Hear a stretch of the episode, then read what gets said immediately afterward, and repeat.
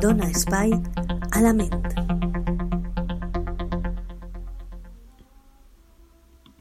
Hola a tots i totes, benvinguts una setmana més a Dona Espai a la Ment. Avui vull parlar-vos sobre el bullying i el, super, i el ciberbullying.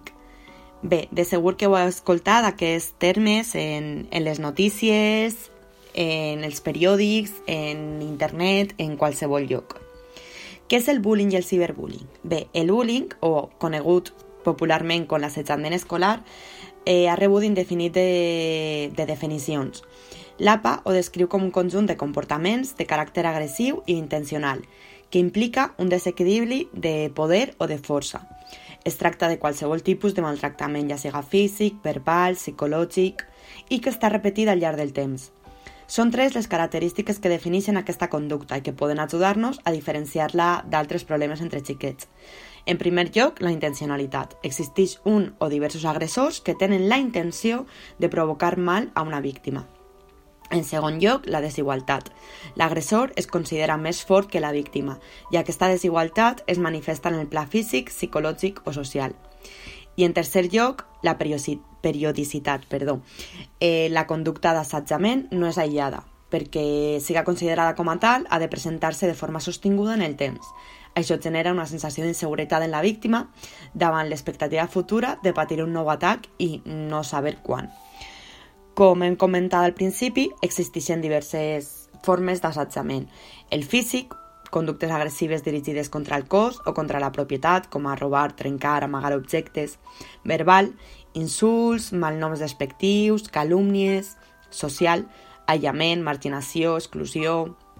Psicològic, infravalorar, menysprear, humillar, generar una disminució de l'autoestima, etc. El bullying, per desgràcia, no és un fenomen nou. No obstant això, els nous mitjans tecnològics socials han creat un marc diferent per a que el bullying ampliï el seu abast i així n'anàs el ciberbullying, que és l'assetjament cibernètic entre iguals. És el tipus d'assetjament que naix aprofitant aquests nous recursos tecnològics. Consisteix en la difusió d'informació per a la víctima una informació nociva, roïn, a través de mitjans de comunicació, principalment d'internet, com ara xarxes socials, eh, com Instagram, Facebook, Twitter, és la publicació de vídeos i fotografies en estos portals, i a través de telèfons mòbils, especialment per la missatgeria instantània, és a dir, el WhatsApp. Eh, Jocs web eh, com Facebook, Instagram, Twitter, Snapchat permeten una comunicació contínua entre els seus usuaris a través de missatges privats i públics, fotografies i vídeos. El ciberbullying adopta diferents formes. Inclou l'assetjament a través de missatges directes cap a la, cap a la víctima, la, humilla, la humillació pública a l'internet, com per ara publicar imatges i, i vídeos, la creació d'informació falsa per a desprestigiar a la persona, suplantar la seva identitat, eh, revelar informació privada, gravar en vídeo una agressió... Mm, estos són alguns dels exemples. És important recalcar que, igual que quan definim el concepte de bullying, este assetjament ha de ser intencionat, provocat i que prolongat, perdó, i que l'agressor i víctima es troben en una situació de desigualtat física, psicològica o social.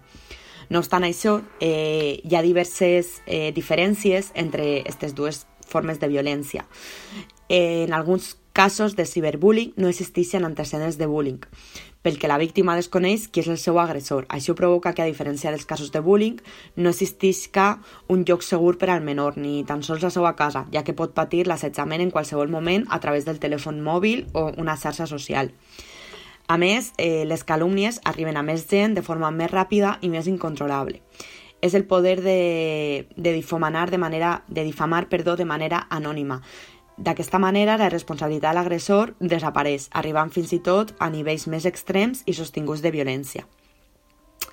És necessari afegir que per a ser considerat ciberbullying, l'agressor i la víctima han de ser menor d'edat, ja que si fora, per exemple, un adult el que extorsiona un xiquet a través de la xarxa social es consideraria grooming, un terme del que ja parlarem més endavant. Eh, la detecció del ciberbullying, segons Àngela Serrano, que és la directora del màster en resolució de conflictes en l'aula de la Universitat Sant Vicente Màrtir, ens dona uns indicadors de detecció per part de la família, que considera que són crucials, ja que el ciberbullying traspassa la realitat del context escolar i les primeres veus d'alarma a la detecció habitualment arriben des de la família. Els indicadors de detecció del, del ciberbullying que hem de trobar en el xiquet o xiqueta és mostrar-se trist i nerviós, mostrar-se desmotivat per assistir al centre escolar, deteriora, deteriora, eh, deterioració perdó, sobtada de les relacions socials, mostrar ansietat i irritabilitat quan està enfront de l'ordenador, eh, sentir-lo plorar mentre llits o escriu en l'ordinador, obsessionar-me en consultar l'ordinador, manifestar-se trist i deprimit a l'hora de consultar xarxes socials, haver tingut episodis d'assetjament en el centre escolar. És molt important educar a les famílies sobre la urgència i la importància en la detecció i la intervenció primerenca del ciberbullying. La impunitat que pot tenir eh, o que pot oferir el ciberbullying al permetre l'anònima de l'agressor és un reforçador de la conducta de, de l'agressor, que pot adoptar el xantatge i la manipulació com una manera de vida en totes les seues relacions socials. Finalment, és important educar a les famílies eh, de com previndre el, el ciberbullying. És clau tindre present que, que hi ha que seguir unes recomanacions en el cas de que el menor eh, siga víctima de ciberbullying. És a dir, com a pares, com a tutors legals, com a professors, hem de tindre unes recomanacions clares que, que hem de fer si se'ns presenta aquesta situació. En primer lloc, no ha de contestar els missatges, ja que amb això entra en el joc de l'assatjador. Guardar el missatge com una prova de l'agressió. No té ni per què llegir-lo ni per què mostrar-lo a ningú, sinó que el guarde i utilitzar-ho com, una, com una prova de que l'estan fustigant. És important registrar l'incident. Per això ha de buscar ajuda, ja siga pares, amics, un professor... El ciberbullying, igual que el bullying, té un final, però no ha d'enfrontar-se soles a ell. Bloquejar al, al remitent com a no desitjat ser discret amb els continguts que puja a internet i sobretot conèixer realment a les persones a les quals intercanvia informació. Això és molt fàcil perquè normalment al, al Facebook, sobretot, o a l'Instagram, solem tenir persones que igual coneixem de vista o que igual, ai, mira, este el té d'amic, fulanito, pues jo vaig a agregar-los i total. Hem de tindre molt en compte això. Els pares han d'oferir-li respecte, confiança i seguretat a la víctima en les decisions que, que prenguen per a intervindre en el cas. Per això, deu sempre existir molta comunicació amb el menor i sobretot informar-lo de totes les decisions que es prenguen per a solucionar el cas. En cap cas eh, hi ha que forçar a la víctima a afrontar situacions que la violenten encara més. Bé, espero que us hagi resultat interessant aquest tema i espero que us, hagi, us puga resultar útil en la vostra vida si alguna vegada se us presentara un cas de bullying o ciberbullying. Recordeu que el més important és posar-lo en mans de, de persones que ens poden ajudar, de professionals, no tindre por, no, no tindre vergonya de res perquè és una situació de maltractament i sobretot eh, posar tots els mitjans per eixir en, endavant. Moltes gràcies per estar ahí.